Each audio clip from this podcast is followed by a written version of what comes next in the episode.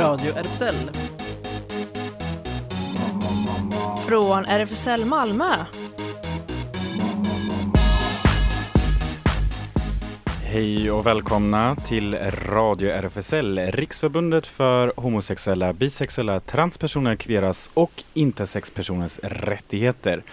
Och efter att det har varit lite glest här i studion förra veckan så är vi tillbaka i rullande schemat med många, många personer. Eller hur Claes? Yes, och en spännande gäst också. Precis. Gabriella, välkommen. Hej, tack. Welcome. Och Sofia och eh, Ellen får i gammal vana delar en mikrofon. Hej Sofia Hallå! och Ellen. Hallå! Yes, Gabriella, we gonna talk with you and utöver det så har vi också lite intervjumaterial, eller hur? Ja, vi har det. Maja ifrån Doc Lounge ska berätta om vad som sker hos dem lite senare i vår och lite grann om hösten. Just det. Några uppdateringar från Eurovision också kanske? Ja, naturligtvis. Någon liten teaser där, Ja. eller hur? För alla oss som naturligtvis också har tittat, men vi får gärna... Ni gjorde ju det. Ja, just det. Men vi hör gärna det igen. Ja. Så att det, The. Mamas vet ju alla vid det här laget just det. vilka det är, eller hur? Ja. Tomma blickar Ja. mig. Syrsorna Just det. Ja, Oops. verkligen. hörs väl. All right. Då tänker vi börja med lite musik. You think I'm horny from Desaya Maria. And, eh, kanske någon som kommer ihåg att eh, det här är en del av Facka som spelade för inte så länge sedan på Inkonst. Why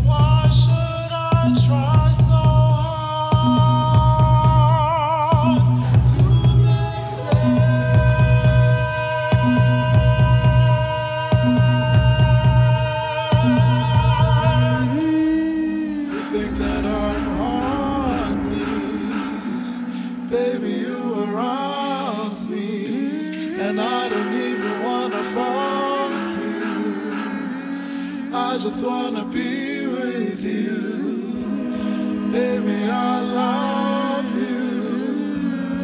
Won't you stay with me? It's so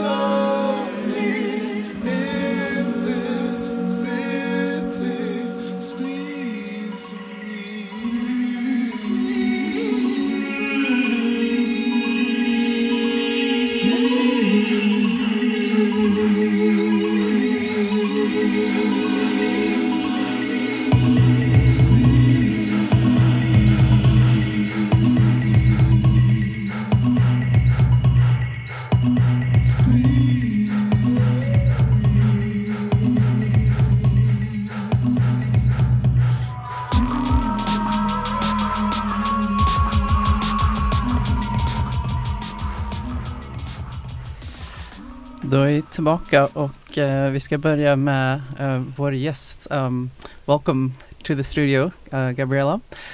Um, you're here today um, because uh, you'd uh, like to share your perspectives on, um, uh, as someone selling sex, on the laws and uh, societal norms um, related to selling sex. And uh, so, what what would you like to begin with? What uh, what aspect would you like to begin? It is very complicated. Right. That's like that's what we're talking about, right? Like there's so much to talk about, and uh, like yeah, I am as we were saying, like IFSL has short ago backed uh, Fackförbundet and such in uh, against the sex shop slogan. and I was actually at the conference that they organized together and it was one of the things that made me uh, take on sex worker activism, sex worker rights activism more because it, like all these things that I thought were just my personal experience, then suddenly I realized that no, it's much bigger than that, and like they're shared by a lot of people, and that uh, yeah, kind of started having the tools to talk about, like, yeah, how all these how this law is used to deport people without papers or migrants in general, on like the terms of uh, earning from uh, dishonest means or um, yeah how like it's really hard to screen clients to know who a client is when uh, clients are criminalized. Like i've had a lot of times clients being like yeah but are you like are you a cop? Right. and i'm like okay i'm also afraid that you might be a cop Are how do they asking you that? Okay. I actually had one guy who, when I started talking Swedish to him, because I can speak some Swedish now, because I've been for like three, almost four years in Sweden. When I started uh, speaking Swedish to him, he got dead scared and canceled the meeting because he was like, uh, uh, "No, no, like you cannot be a a girl working. Like you must be a cop." And and the thing is, like, I mean, at the end of the day, they get a fine. We yeah we get deported we get uh, thrown out of our, our houses because the pimping law is used to say that like basically anybody that takes money from us is a pimp. And the cops can also take uh, our money. And that's actually a very interesting point because you say like the sex shop slogan is always defended by, oh, it's supposed to be on the side of the sex workers. Yeah. like the thing is that at the end of the day like the sex shop slogan is just making everybody a victim every person selling sex a victim and the reality is a, lot more complex than that like it is a lot more complex like of course like if from the position if what they're trying to do is to like decrease sex like uh, commercial sex in general then okay, yeah, making it harder for people to work safely will make less people work. But uh, it doesn't keep us safe while we are working. Yeah. Yeah, the uh, border police in west and south of Sweden, they have uh, mm, during a period regularly expelled persons from countries outside the EU uh, because they want to take away the merchandise from the market. Is that a good argument? I think the first, like for me, the first thing that shocks me about that and that strikes me from that uh, uh, sentence is how like we're seen as goods, no, as merchandise. It's like that is so clear that uh, we're completely dehumanized in this context. Like, and uh, okay, of course, for example, for me, like I'm a European citizen. My parents know that I work, and actually, like, they would be really happy if I got deported.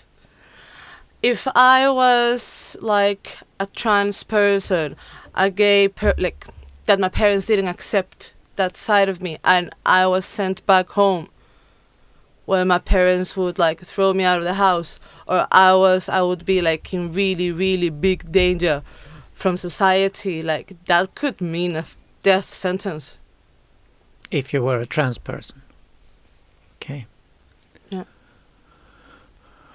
Well, For example, you were you mentioned something about saviorism, uh, which this law it, um, seemed to be kind of an example of, and you also made the comparison of um, like the church having a similar method uh, to dehumanize and um, I'm using air quotes uh, save um, uh, homosexual people as well. Would you like to elaborate on that uh, comparison? Yeah, yeah. Like, um, I don't know all the people uh, like founding all organizations. For example, I do know that Talita is a free chic uh. I probably said That's that very good. wrong. but yeah, they are, no? And like, uh, I do know, I know a woman who told me how when she was in some like rehabilitation or like exit program who was church founded from sex work it was like it was really hardcore like they it was like a jail they prohibited you from like dressing uh, provocatively. They made you to all these things that just reinforce traditional women's roles.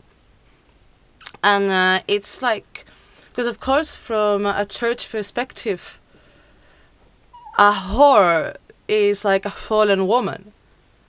No, so we must be like, I think in Catholic countries, for example, we're often seen as morally wrong or like morally devious. And in Protestant countries, or like, you know, the modern uh, analysis of this is that we're sick in the head. We're sick somehow, which is the same, uh, it's the same argument that they make against homosexuality and transsexuality. Hmm. So it's pray the gay away. Similar Yeah. idea and method. or cure it somehow like if you uh yeah if you act a certain way or do a certain thing then you're gonna yeah be cured Oh. Yes, of course. The Protestant view of it, you're so right. You are sick in the head, or you are very. You have to do it because uh, otherwise you starve to death, or something like that. So you have to be helped and cured. Yeah, yeah. Yeah, and this is like yeah, this is like what what we mean by talking about saviorism, right? Like that they u- misuse it as something like, oh, we just want to help you, you know, like to get into a better situation, without actually asking persons like what what would they think is a better position for themselves. Yeah. yeah, what do you actually need yeah. because like i mean for me when we're talking about abolitionism it's very much like okay if tomorrow sex work was completely abolished what do i do? Like am i supposed to like uh, go and work cleaning houses turning tables like for a, a much lower pay much less flexibility of uh, time and like having a boss that has to tell me what to do all the time. Like that doesn't work for me because of like a big variety of reasons. And for a lot of other people doesn't work either. For like a lot of different reasons. Like the amount of different reasons that people that i have actually met in sex work that that's what they're doing it. It's like it's not like oh i love my job. It's that's not the point. It's like i can do this job and i can do it like it's better for my mental and physical health than uh, yeah cleaning houses Working in a factory. working in a factory Do you find that there's because of like the nature of the work, it's difficult to organize like people because you know in in some ways you're not working in the same workplace. In some ways you're sort of compared and and um, co- not competing. It's not the right word, but like you're not really you know working together in the same way as like a traditional working place where you have you know the same goal perhaps or the same needs Mm. do you find that that's um, like it's um, an obstacle in the the you know the cause of making your work environment better I think it can be, but also like, because I used to work in Denmark. Actually, I used to work in Copenhagen for a while after I started. I started working first of all in Sweden, so that was like my base point, you know. And then I started working in Copenhagen uh, in a couple of brothels. And then it's like that. That, that then was when I first realized, like, okay, like I'm not different like we are all uh, i mean we are all the same in a way not the same and different but we're all like i'm not an exception. And uh, then for example it's a lot easier to organize when you're working in a brothel and there's actually it can be fact for your self-perception in many ways but in also many other ways if you're working with good people it's amazing to have uh, co-workers. There's a lot of sorority actually If you compare working in Sweden and Denmark, I have a feeling it's much more relaxed in Denmark, isn't it? Vänta, I'm more relaxed in Denmark. Yeah, yeah. Of course, like, um, I mean, you're not worried about the same things. Like you're not worried about oh, is the police gonna think? That's uh, uh, that's what I thought. Like it's more about policing here, right? Like the the whole being going around and feeling like, also like because that's the thing. Like you feel like you're doing something wrong just by like how the law is been treated by the police and by government and yeah. Yeah, yeah. Like if I have uh, two thousand krona in cash in my purse and I'm wearing heels, I'm like, okay, I'm gonna, you know, look down and not uh, look at the police in the face, especially when they're, you know, they were standing around in Mulan a lot. Uh, keep a low profile. Suspicious. Uh, your, f- uh, tell us about your first song. Uh, is it Alicia? Yeah. Isn't it? Yeah. It's uh, a dubstep classic. It's a dubstep classic. Nice. From what year is it? I don't know, but maybe 2005, something like that. Yeah, it's been a Ancient. ancient almost, right? Here it is, Mala Alicia.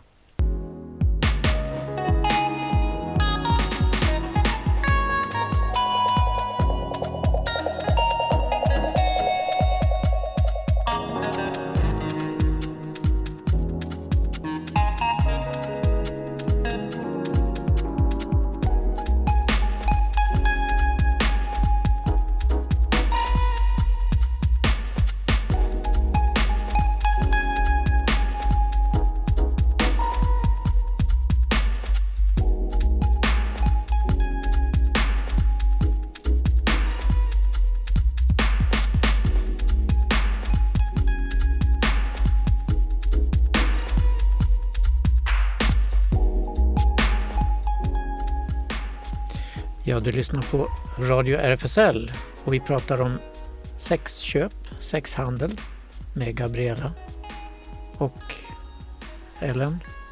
Yeah. So we're back. Uh, and uh, women's work. You were mentioning. What's your perspective on women's work? Um.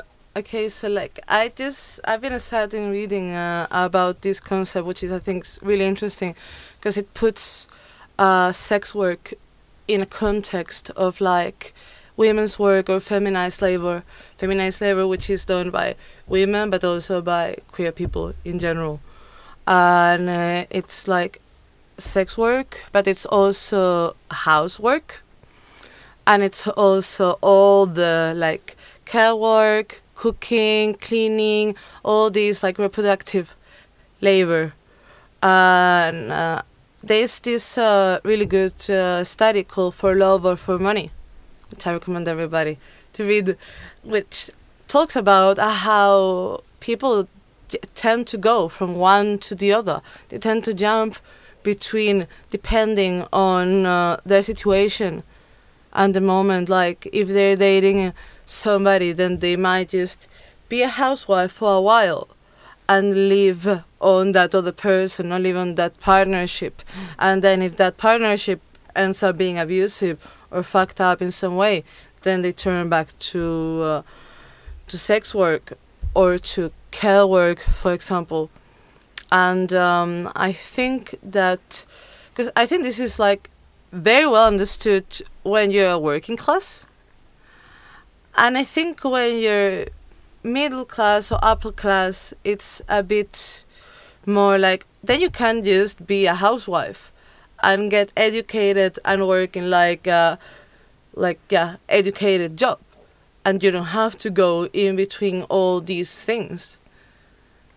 And I think that is oftentimes the position in which this saviorism comes from. Yeah. Right. You were talking about organizing uh, before and activism and uh, realizing that your experiences are not unique. Um, and um, I, I was thinking of this uh, this slogan or phrase: "Nothing about us, nothing about us without us."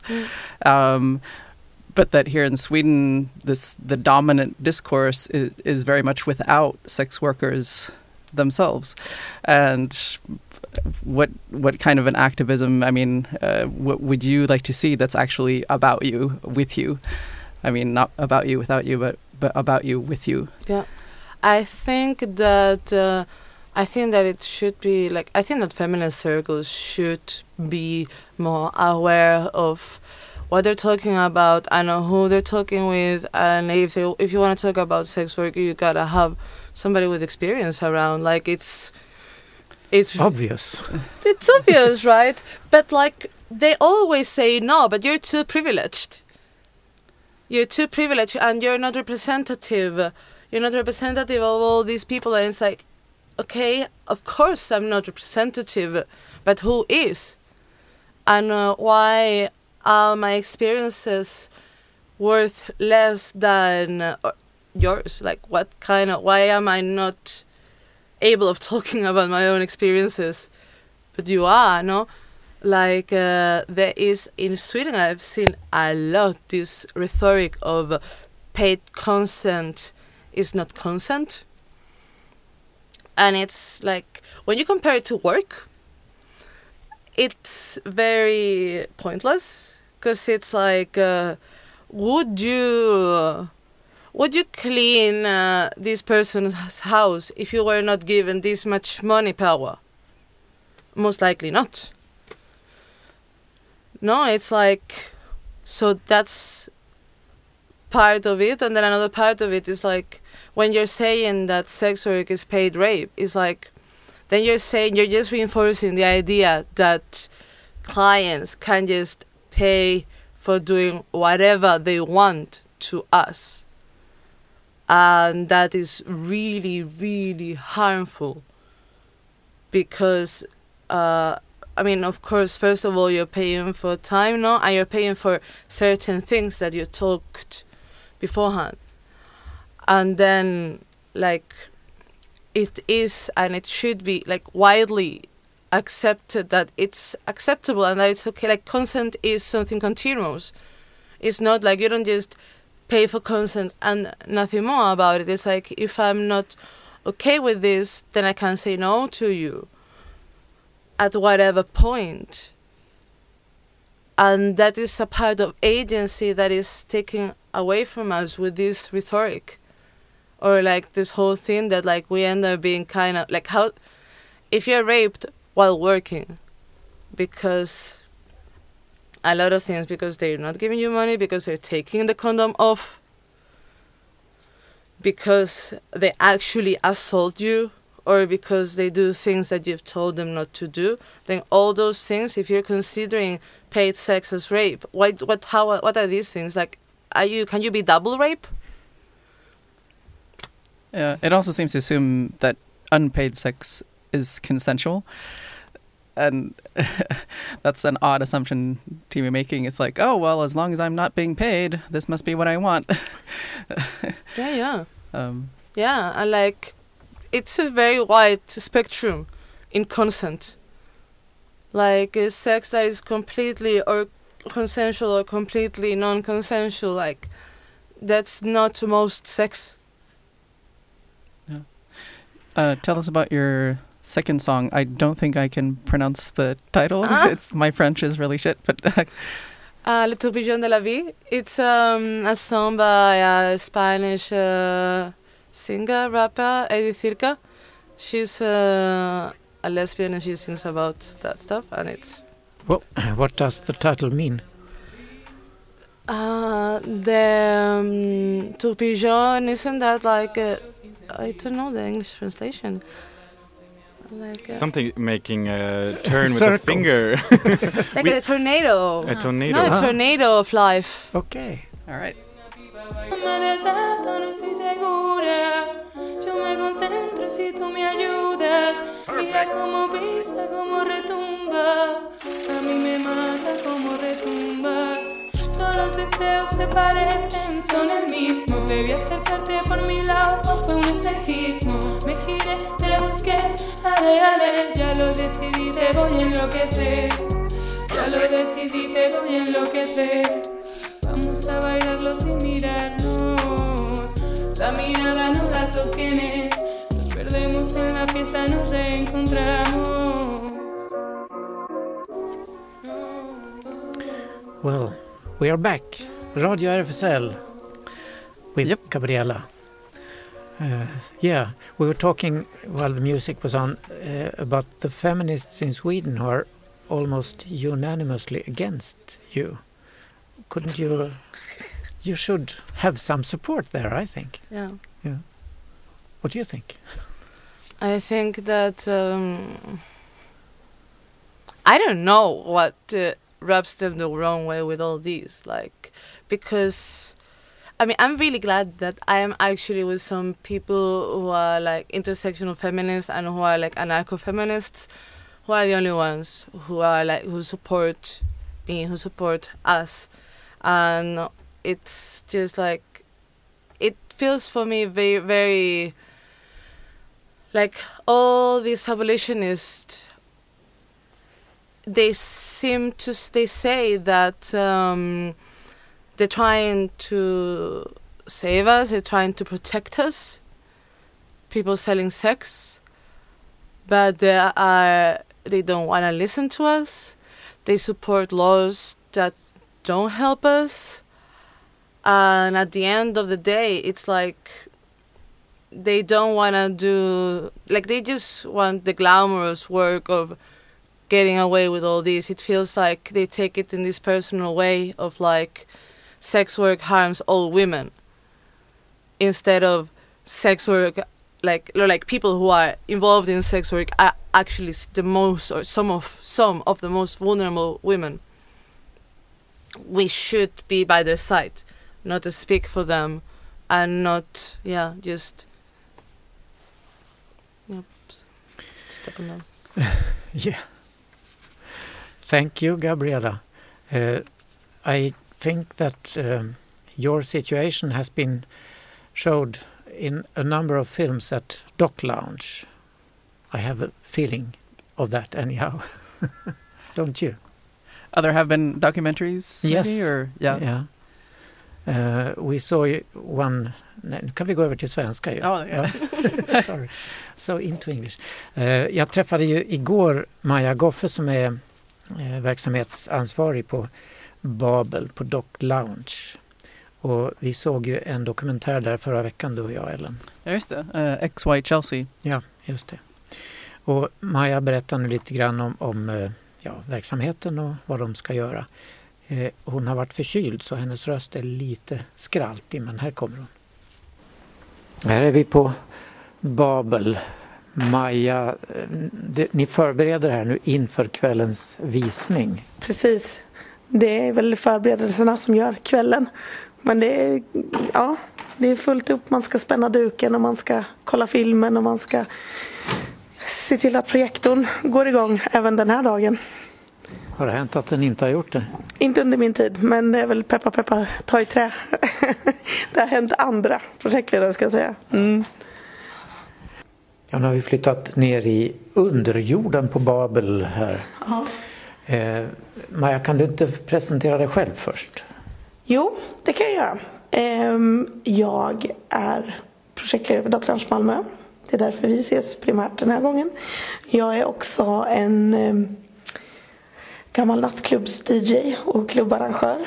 Det var lite så jag halkade in på Dock Lounge-spåret. Jag startade min karriär på Dock Lounge redan som volontär för många år sedan när jag pluggade.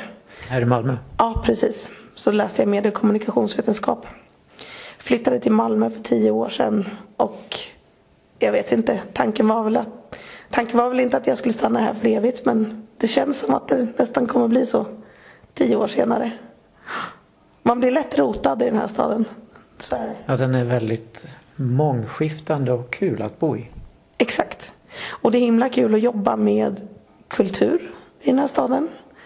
Och eh, också himla kul, det, det känns väldigt lyxigt att jobba med Dock Lounge. Det är ett koncept som har funnits sedan 2006. Så det är ju liksom gammalt i jämförelse med mycket annat. Eh, och vecka efter vecka visa de här filmerna och ha den här publiken och samtalen och mötena. Jag ser Dockland som eh, både att vi är folkbildare men också en plattform för community. Och ni kör, eh, vadå, i princip varje tisdag eller? varje tisdag. Och eh, som den här säsongen så startade vi i slutet av januari och kör till början av april. Sen är det något magiskt som händer i april. Våren kommer och, och människor vill inte vara inne längre. Så då är det svårt för alla sådana här film filmklubbar och biografer och liknande att, att ha visningar. Så då rundar vi av vår-vintersäsongen i april. Och det är likadant i, i, på hösten så kör vi igång september, oktober någon gång för att det är mer lockande att vara ute i parken fram tills det börjar regna. Det är alltså inte så långt kvar av den här säsongen men vad har ni av ja, något speciellt med hbtq-intresse kanske? Ja men alltså vi har ju ändå lyckats bränna av de, de primära hbtq-filmerna. Eh, vi visade Fat Front och vi visade XY Chelsea eh, som vi visade förra veckan. Men ja, den här säsongen har vi haft väldigt mycket porträtt av personer. Den 31 mars så ska vi visa en film om kärlek kan man säga. Och det tycker jag väl berör oavsett sexuell läggning. Men det här är en film som heter Lessons of Love Fokuset där är väl liksom kärlek på äldre dagar. Eh, det är Jola. Hon är en polsk kvinna som hittar kärleken igen kan man väl kanske säga. Hon lämnar sin man som varit gift med i 45 år och, och ja, flyr från honom. Det är ett otroligt våldsamt eh, äktenskap. Och flyttar hem till Polen igen och liksom börjar leva sitt bästa liv. Och det tycker jag är en film som alla borde se. För att den inger hopp. Och den berättar också en historia om att det liksom aldrig är för sent. Samtidigt som det finns en viss sorg i det. Att så här, varför kan man inte få leva sitt bästa liv redan för 30 år sedan om det är så. Och lev och älska nu som märker du Ja, det var lite från La Cage aux Folles plötsligt. Men det är för att Maja pratade om detta och fortsätter prata. Hon berättar om en film som verkligen verkar sevärd. En film om att eh, som äldre lämna en destruktiv relation och få en nytändning i livet. Låter som någonting som vi skulle kunna tipsa vår seniorgrupp om till exempel. Oh ja, verkligen. Jag när man pratar målgrupper för Dockland så är det ju, man kan ju se väldigt tydligt vilka som är här. Bara genom en fördomsfull blick på publiken men också via våra olika publikundersökningar. Vi saknar ju alltid seniorerna. Av någon outgrundlig anledning så når vi inte dem. Och det här är en film som jag eh, vi jobbar ju väldigt aktivt med alla filmer att nå ut till specifika grupper. Den här filmen är min tanke att liksom hitta ja, men kontakta PRO helt enkelt. Så det är väl jättetacksamt om ni vill göra det åt oss också. Ehm, ja. Kul, och det är tisdag nästa vecka? Nej, det är tisdag 31. Mm. Nästa vecka så satsar vi mer på barnen. Då visar vi en film om eh, en aboriginsk pojke som heter Dudran. Han är tio år och han är otroligt talangfull, klipsk, smart. Och han, tyvärr så får inte det komma till rätta i det moderna australiensiska samhället. Han får inte vara den han vill vara och han får inte leva som han önskar. Han får inte bejaka sitt, sitt arv, sina helande krafter. Otroligt brutalt är det. Och det här är en berättelse om, om just eh, den här pojken och hans familj och en, liksom en kamp av att passa in men också förhålla sig till sin tradition och få leva det livet. Den här filmen har ju lett till att Dujan har fått prata inför FN. Och som man säger att det australiensiska samhället och regeringen lyssnar inte på mig så därför var jag tvungen att vända mig till er. En väldigt mäktig berättelse. Och det är väl också, mm, ja, går ju att applicera på det svenska samhället. Inte minst med vår egen urbefolkning, samerna. Men också förtrycket av folkgrupper, sexualiteter. Ja. Men då blir det mer ett barntema kan man säga. Mm. Men ändå allmänmänskligt på många sätt låter. Oh, ja.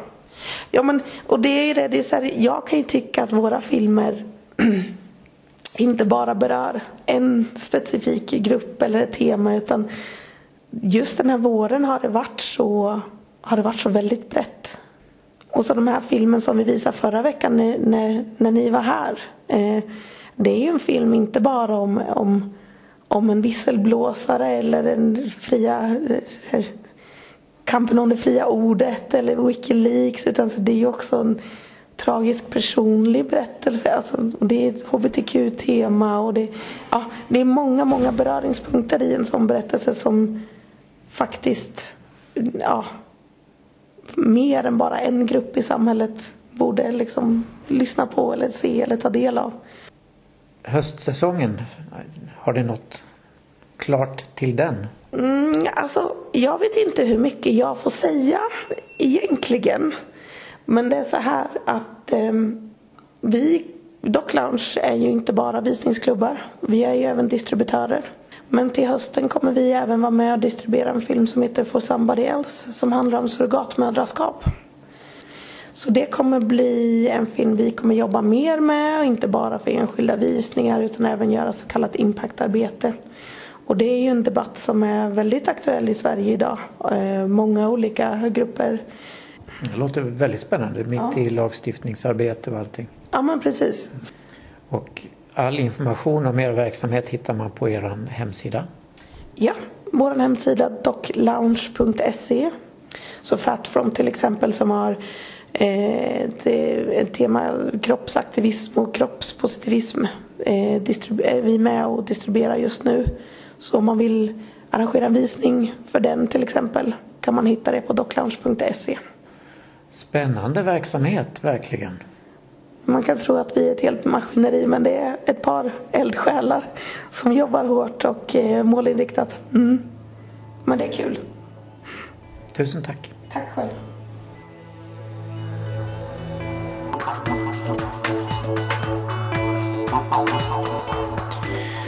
Ja, där avslutar vi inslaget här med lite doggeridoo, heter den va? Det här instrumentet i Australien.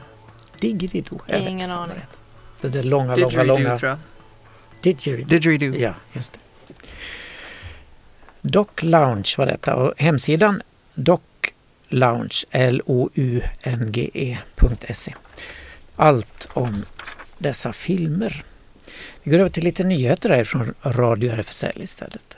Vi pratade ju om sexköp med Gabriella här. Stödet för sexköpslagen är faktiskt stark i Sverige. Även när den används för att utvisa personer som har sex mot ersättning.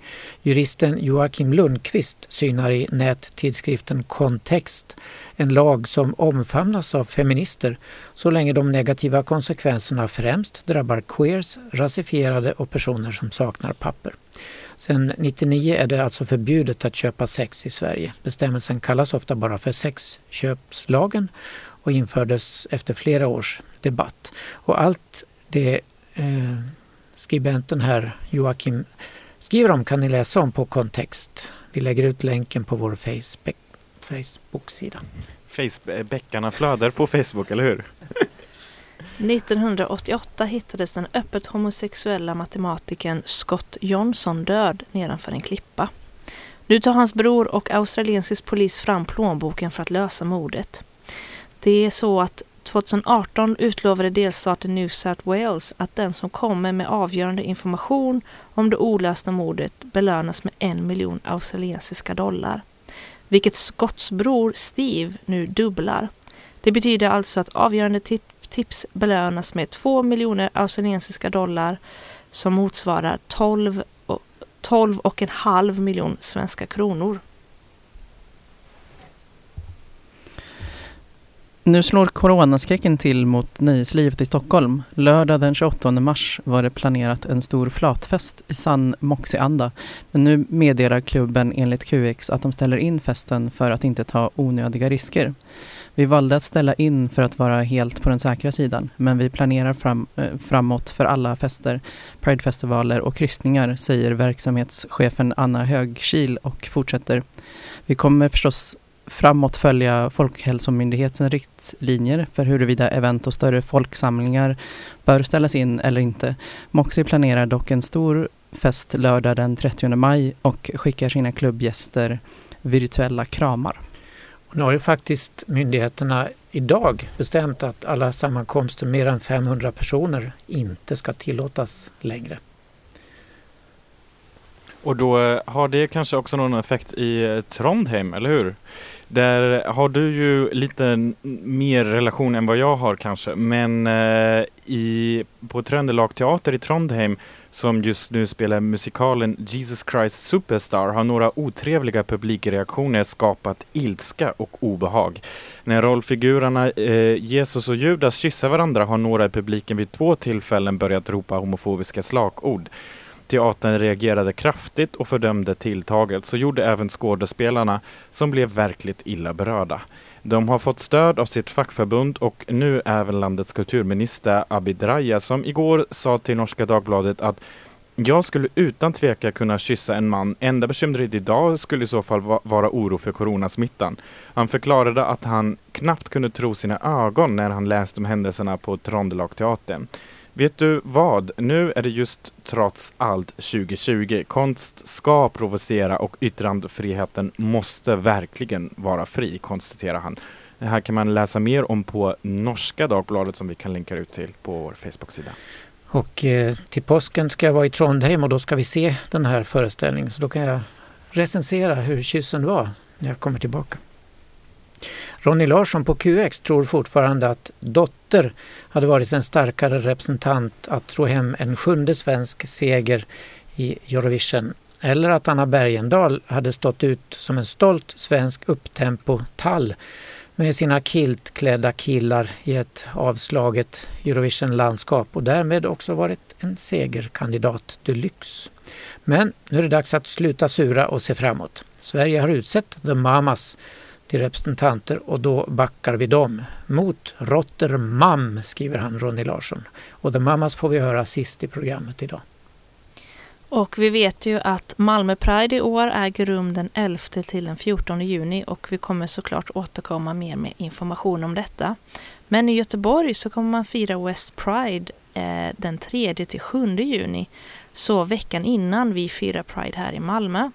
Göteborgarna meddelar idag att en av artisterna på deras Öppen Queer-scen den 5 juni blir Aron Promonitz. Han del- deltog även förra året med showen i Kärlekens tecken. Okej, och där har vi honom, Aron Promonitz med Revival. breaking free. Nothing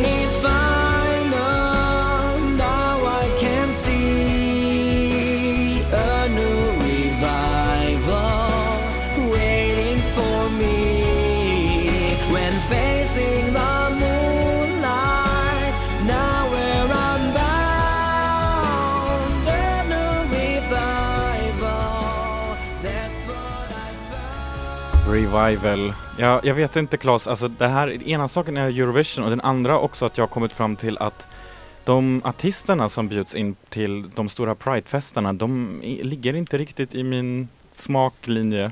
Så, jag vet inte. Känt mig alltid lite utanför vad gäller det.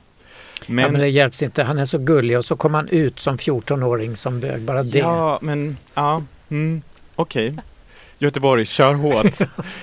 Då har det blivit dags för lite Det händer här på Radio RFSL som är en del av RFSL Malmö. Och RFSL Malmö har sin lokal på Stora Nygatan 18 och en Facebook-sida så som vi också har här på radion. Och eh, vår sändning landar som vanligt såklart sen som podd ute i etern eller på webben snarare på Soundcloud och iTunes och där det finns poddar. Årsmötet närmar sig med stora steg söndag den 29 mars klockan 15. Eh, kom ihåg medlemskapet för detta och Newcomers träffas fredagar klockan 16 till 19 och Seniorcaféet på söndag klockan 15. Habitat Q, ungdomshänget måndagar och onsdagar mellan 5 och 7 för alla mellan 13 och 19 år. De träffas på Sofielundsvägen 5 nära Möllan och eh, de följer man lättast på deras Instagram. SLM Malmö håller till på Sallarupsvägen 30 och det är en medlemsklubb bara för män. Eh, Slmmalmo.se är adressen på nätet. Och vanliga lördagar har de klubbkväll, vanlig klädkod, insläpp 22 till 24. Och på tisdagar är det pub, insläpp 20 till 22. Då är det gratis för medlemmar. Och sen har de specialarrangemang rätt ofta.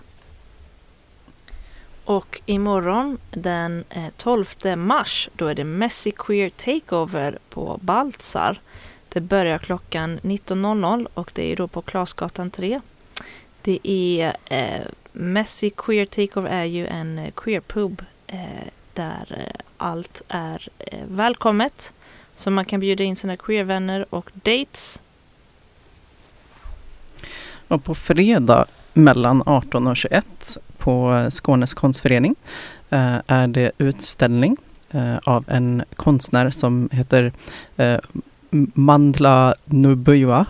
Eh, Izufundo Zikababa är min bästa gissning. Eh, det ligger på Bragegatan 15 och eh, det står så här Välkommen på vernissage. Eh, Eh, det är en multimedia och performance-konstnär eh, eh, som ställer ut. Den är, och utställningen, utställningsperioden, förutom att det är vernissage nu på fredag då, så är det mellan 13, till, 13 mars till 12 april. Och det kan man ändå berätta lite mer om faktiskt för att det är en väldigt, väldigt, väldigt imponerande konstnär som jobbar ju mycket med att utforska ja, som det står också, för kroppsligande kärlek och migration genom hennes egen transfeminina och icke-binära blick. Och utställningen funderar eh, henne över hennes identitets och migrationsbakgrund och många skärningspunkter. Jag kan säga själv att det är väldigt, väldigt varmt rekommenderat att titta förbi där kanske på vernissagedagen. Du är baserad i Berlin, känner du till henne därifrån? Nej, men eh, nej, det gör jag inte. bra, bra chansning. Eh, sen är det dags för Kibret eh, 2, en eh, fest som har börjat lanseras på plan B lördag klockan 20 till klockan 3 och då riktade riktar det sig en fest som riktar sig framför allt med arabisk musik till alla queers från MENA-regionen bland annat. Så det är kanske någonting som, eh, ja, det behöver vi inte tipsa Ansar om, men det vet han säkert redan för han har ju också varit här gäst och pratat om Chacomaco där de också satsar på lite liknande tema. Så titta förbi där. Det blir livemusik också halv tio med ett band och sen kommer det DJ, så det är alltid gratis innan midnatt. Ja, och sen är det då eh, Melodifestivalen. Det var ju final i lördags som ni alla såg förstår jag. Ja, jag satt klistrad. Ja, The Mamas vann alltså med Move. Och tvåa kom Dotter, Bulletproof och trea Anna Bergendahl med Kingdom Come. Som var min favorit. Dels för att hon är bra men också hade hon sex helt fantastiska dansare i kilt. Ja. Melodifestival eh, Eurovision är 16 maj, finalen. Och på Malmö stadsteater så är den 24, 27 mars eh, så är det premiär för Molières komedi Tartuffe. Eh, och det står så här, nu får man ju inte längre vara en man längre, men det vågar man väl inte säga i det här jävla landet. Söker du något att tro på, känner du att du förlorat dig själv och famlar efter mening, Tartuffe kan hjälpa dig. Och en handelsresande stöd som vi har eh, recenserat tidigare. Det pågår eh, till och med den eh, 5 mars. Vilket är förbi. Så att den kan man inte längre se. eh, det har vi glömt uppdatera Bara här. om man åker tillbaka i tiden, eller hur? Ja exakt. Eller om man har ett Sofia, väldigt bra din- mitt minne. Just det, Och kan liksom återspela, i sin lilla Kopfkino just det. så kan man återspe återspela den här föreställningen om man minns den. Ehm, men sen så visas också Fröken Julie på HIP till och med 15 maj. Helt säkert där. Ja. Och eh, prekariatet eh, på Intiman till och med den 28 mars. Sen har vi på Malmö Opera lördag den 14 mars klockan 13 är det allsång med Rickard Söderberg med gäster och det syntolkas. Är det, Fast det vet inte fåglarna om det blir av då. När Oj. nu förbud för samlingar med mer än 500 människor. Oj, just Och det är ju 1500 personer som är bokade där. Så det är väldigt mycket av det här som är tveksamt om det alls äger rum. då får de släppa in en syntolkare bara och alla andra sitter hemma och, och lyssnar på syntolkningen. Eller så kanske det är första 499 som får komma. Just det. sen Minus typ alla som ska jobba där. Så det kanske är typ 300 som får komma. Mm. Och sen så stängs svårt. dörrarna. Ja. Oh my god. Det blir kris på Operan, tror jag. Ja. Eh, fredag den 24 mars är det premiär på Benjamin Brittens opera En midsommarnattsdröm baserat på Shakespeares komedi. Får se hur det går med det. Och det var den 27, 27. inte 24. Just, oj, sa jag eh, 27 står det ja. Rickard ovan regnbågen, konsert med Rickard Sör- Söderberg eh, 21 och 22 april. Och så har vi operetten Orfeus i underjorden eh, som spelas fram till 10 maj, den som vi recenserade. Och Skönheten och odjuret pågår fram till den 30 april. Och om man är sugen på lite mer film så finns filmen nu Min pappa Marianne på bio. Efter att ha brutit upp med pojkvännen återvänder Hanna 28 till Alingsås för ett vikariat på lokalnyheterna. När hennes älskade pappa, prästen med det stora skägget, avslöjar att han egentligen vill vara Mar- Marianne vänds Hannas värld upp och ner. Och den här filmen är med Hedda Stenstedt och Rolf Lassgård i rollerna. Och med detta sagt så är det, ja, nu blir jag liksom, tänker jag, vi får hålla tummarna och gå bara på event som har Mindre än 500. max 499 besökare, Ja, eller hur? Nu ska vi äntligen få höra The Mamas. Just det. Tack för idag och eh, vi hörs nästa vecka igen. Hej då. Hej då! Hej då! Fight, we fall. It's alright, that's life.